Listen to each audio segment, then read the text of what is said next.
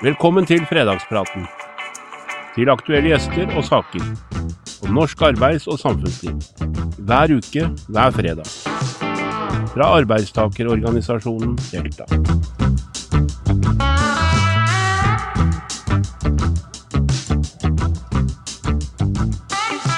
Hei og velkommen til en ny fredag, ny prat.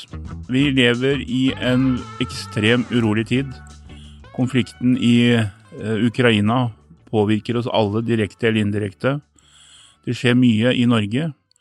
Og en av de tingene som har skjedd eh, denne uka, var at forrige fredag hadde lederen for Teknisk beregningsutvalg, Geir Akselsen, en pressekonferanse.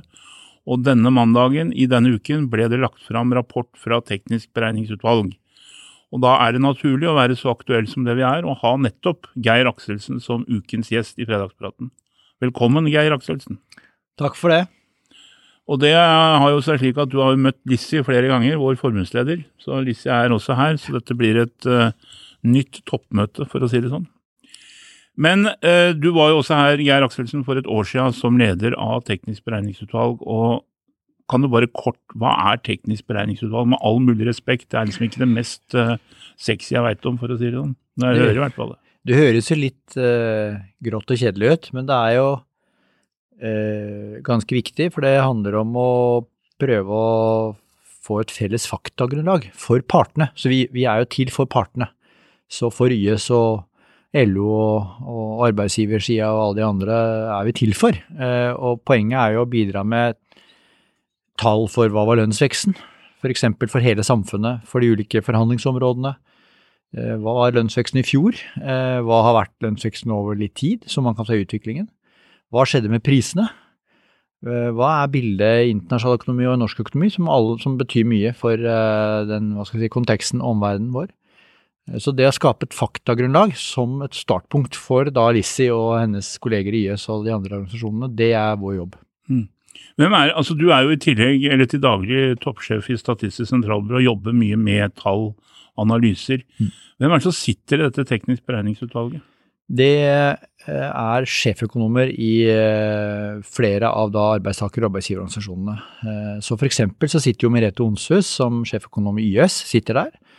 LO og NHOs sjeføkonomer sitter der. Så Unio er representert, akademikerne. Og så er også noen departementer representert. Arbeid- og inkluderingsdepartementet, Finansdepartementet, Kommunal- og distriktsdepartementet. Altså de som har ulike roller knyttet til ja, det siste departementet som jeg nevnte. De er f.eks. ansvarlig for statsoppgjøret. Spekter sitter selvfølgelig der. Og fra SSB er vi i tillegg til meg som leder av utvalget, så har vi også med et medlem i utvalget. Mm. Ja, Lissi, du skal jo nå gå inn i en krevende periode med hovedforhandlinger, lønnsoppgjør, både i KS og Spekter. Du leder de to sektorene. Teknisk beregningsutvalg er jo et veldig viktig rammeverk som legger kanskje noen av premissene. Nå skal ikke dere forhandle om noe som helst her, men bare for å forstå rolleforståelsen, hvor mye betyr det rapporten som Geir Akselsen og Teknisk beregningsutvalg, heretter kalt TBU, har lagt fram for premissene for det oppgjøret du nå skal lede i Spekter og KS? Nei, det betyr uh, mye, og det er viktig. Og om vi enten er veldig positive eller kritiske, så er det ikke fordi rapporten eller tallene som kommer, så for det trenger vi, og det er veldig bra. Det gir oss jo noe faktagrunnlag, som blir sagt her, men det er vel mer hvorfor vi har havnet der, og hvor vi skal havne videre, som er det vi engasjerer oss aller mest i. Ja, og dere er jo opptatt uh, strategisk nå på at uh, bl.a. dine 92 000 medlemmer har jo vært nå i front i pandemien. Det har vært et fortsatt gap mellom privat og, eller etterslep fra tidligere oppgjør mellom offentlig og privat sektor. Det er uh, uro i økonomien, så strømpriser påvirker hvordan kjøpekraften blir osv. Hva, hva tenker du liksom, om oppgjøret? Blir det et krevende oppgjør? Blir det et et oppgjør som kan ende i streik? Altså, Hvilke tanker, refleksjoner gjør du deg på det nåværende tidspunkt?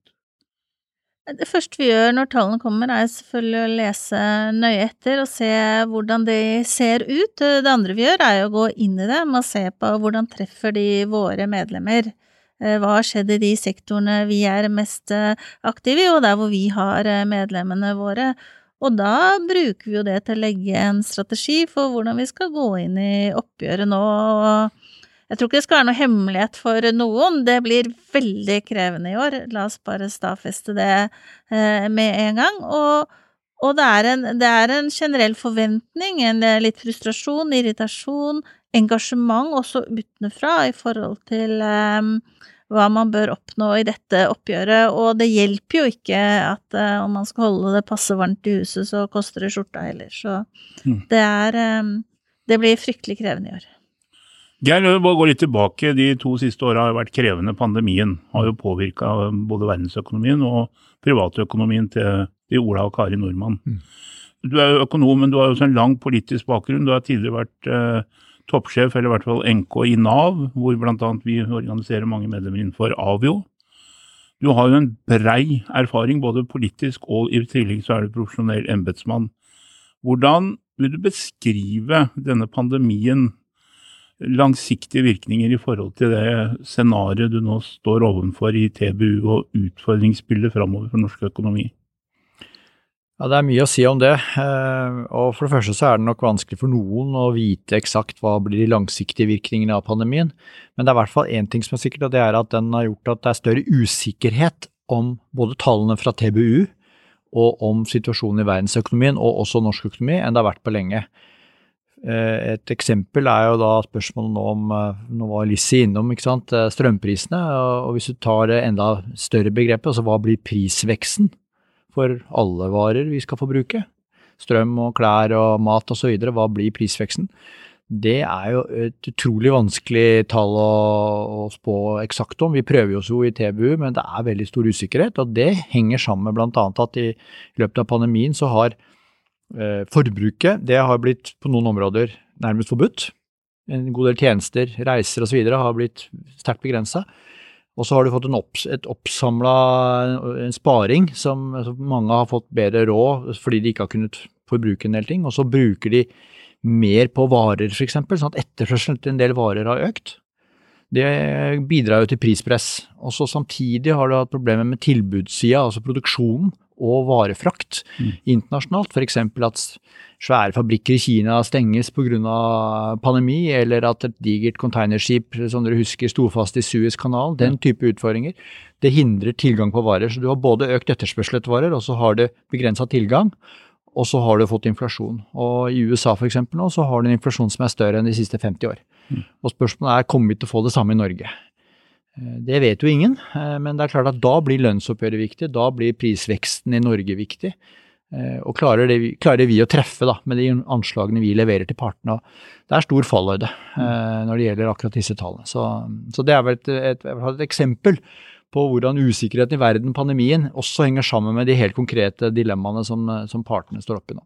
Så er det et paradoks samtidig at Russlands annektering av Ukraina fører til boikott og sanksjoner mot Russland, som igjen tjener norsk økonomi ved norske økte olje- og gasspriser. Altså det, mm. det, er en veldig global økonomi. Men opplever du at det er i den TBU-rapporten som kom, ble lagt fram i sin helhet på mandag, er det noen spesielle faresignaler du vil dele med arbeidstakerne eller arbeidstakersida i relasjon til liksom det utfordringsbildet vi er inne på nå? Er en spesielle ting Delta, Lissi og hennes folk bør være obs på? Som et råd, altså uten at vi går inn i forhandlinger, for det kan vi jo ikke da gjøre. Vi er opptatt av roller og alt det der. Mm. Men, jeg tror det viktigste for oss er å understreke at uh, for det første så er jo mange av tallene vi har lagt fram er jo fortsatt foreløpige. Det kan bli noen justeringer, kvalitetssikring, mer statistikk som kommer inn. Eh, men, det, men det, det, tallet som jo har vært mest stilt spørsmålstegn ved, det er jo vårt eh, anslag for prisveksten i 2022. Og det er jo veldig viktig for Lizzie og hennes kolleger å ha med seg et sånt tall. Og der eh, er dilemmaet at det er veldig usikkert. Vi har anslått nå 2,6% prisstigning i 2022, men vi skal oppdatere det anslaget 10.3. Så da kan det bli et helt annet tall. Men selv det tallet vi måtte komme fram til da, det er stor usikkerhet, og den største usikkerheten knytter seg til det du var innom, nemlig prisene på altså energivarer. Eh, eh, både oljepris og gasspris slår jo rett inn i bensinpriser, men enda mer inn i strømprisene. Og det igjen har stor innvirkning på den generelle prisveksten. Og eh, reallønnsvekst eller ikke, ikke sant, for, for arbeidstakerne. Så, så, det er en usikkerhet. Det kan gå begge veier. ikke sant. Det kan bli sånn at prisanslaget vårt er høyere enn det som blir fasit. Det har jo skjedd flere år, men det kan også bli motsatt. og det vil i hvert fall fra arbeidstakers synspunkt da være uheldig hvis det skjer. Hver uke inviterer jeg, programleder og politisk rådgiver i Delta, Knut Roger Andersen, aktuelle gjester til å diskutere aktuelle saker i vårt studio. Men vi vil også ha med deg i diskusjonen om temaene som angår norske arbeidstakere til daglig. Følg oss derfor gjerne på Facebook og Instagram, og fortell oss hvilke saker du mener vi bør være opptatt av.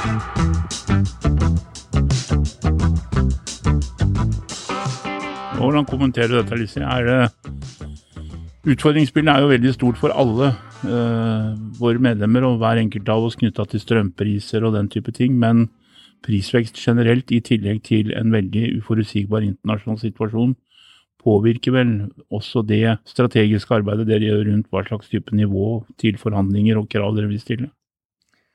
Ja, det er klart det gjør det. Um, og det påvirker jo også når vi ser uh, resultatet av det som har vært de to siste årene også, i forhold til um, hva som har skjedd i de ulike sektorene også. Så det er jo mange fasetter i dette oppgjøret her som vil påvirke det. Men generelt sett da, så er det faktisk sånn at uh, våre medlemmer som gjør en betydelig og viktig innsats hver eneste dag, skal ha sin del av verdiskapningen og sin del av kaka når det gjelder økonomi, og kunne ha og bruke og så er vi jo i Norge opptatt av at det skal føles en viss form for rettferdighet. Eh, og det er vel disse tingene som skal på en måte smelte sammen til eh, vi slutt går inn og ser på selve kravet. Vi har jo heller ikke kommet så langt at vi har bestemt oss for akkurat prosenten.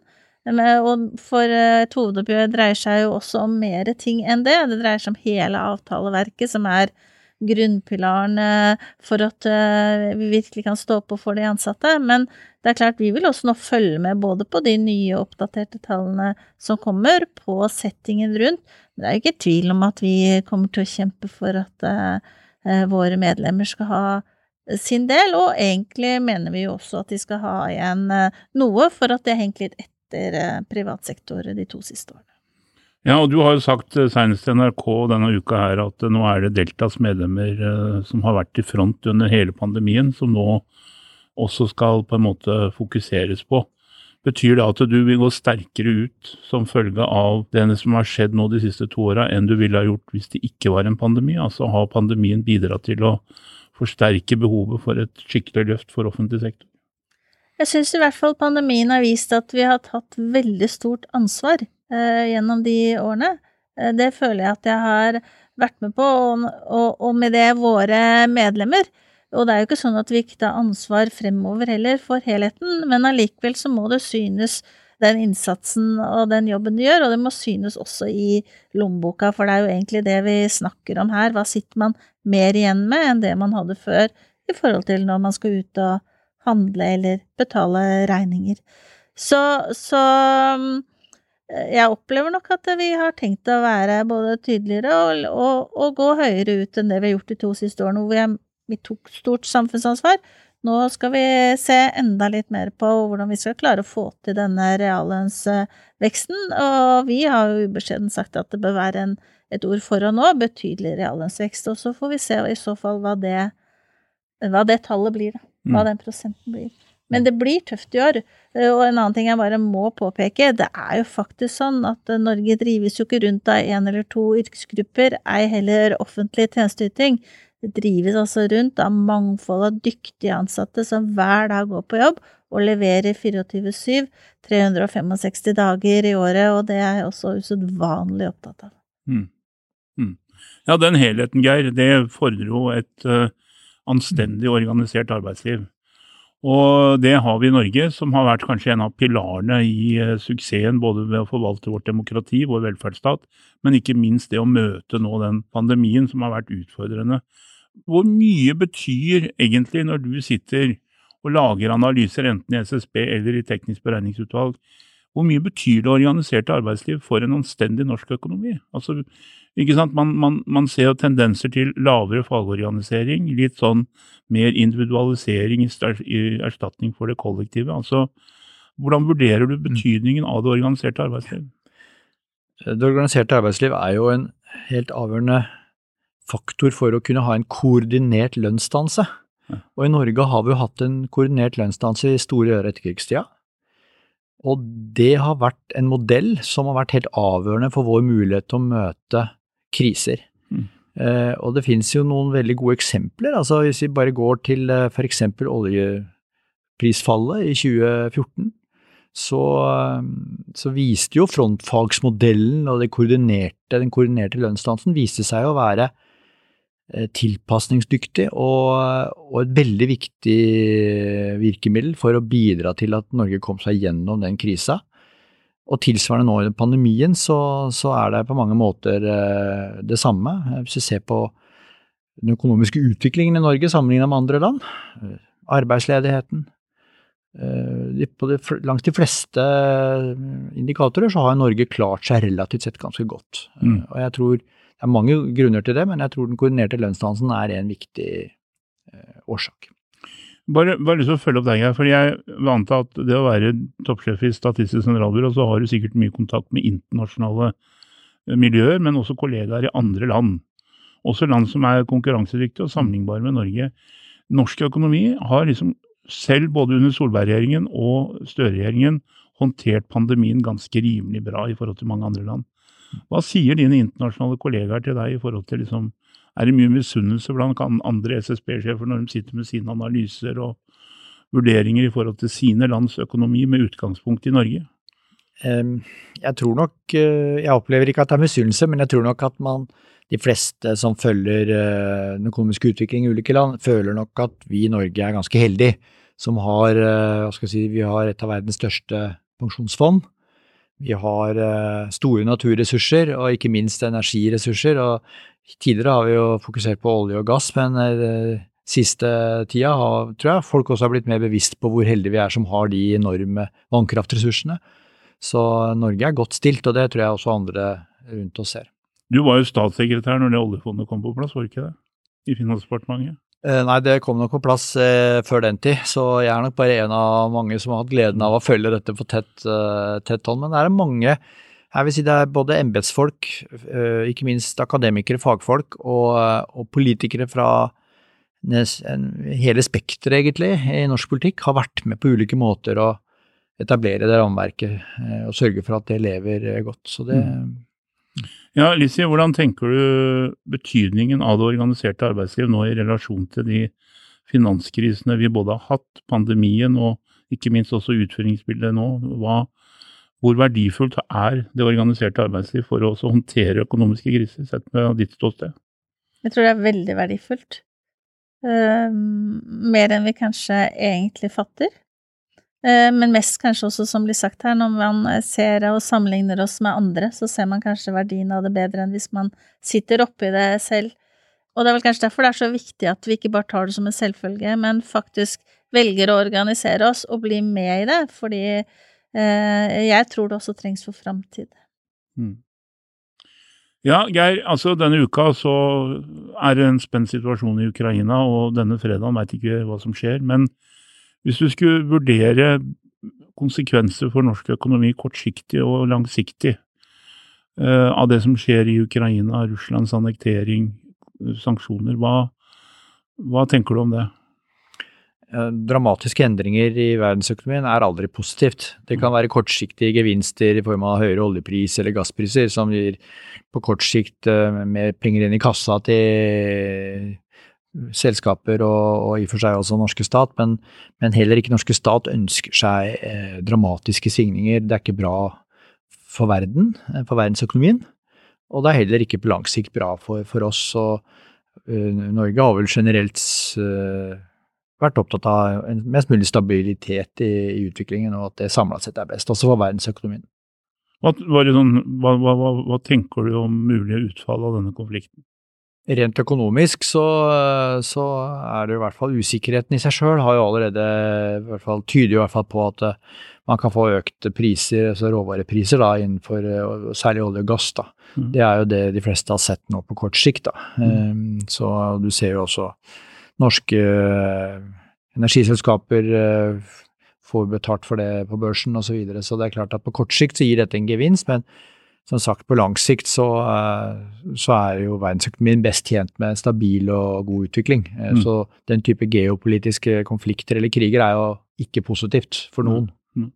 Hva tenker du, Lise, om eh, situasjonen i Ukraina, og føler at det kommer til å påvirke litt av det som skal skje framover, også sånn rent forhandlingsmessig med tanke på økonomi? Først og fremst så mener jeg det er helt tragisk, det som skjer der. Uh, men det, det, det, er jo best mulig å si noe om i et sånt program som det her.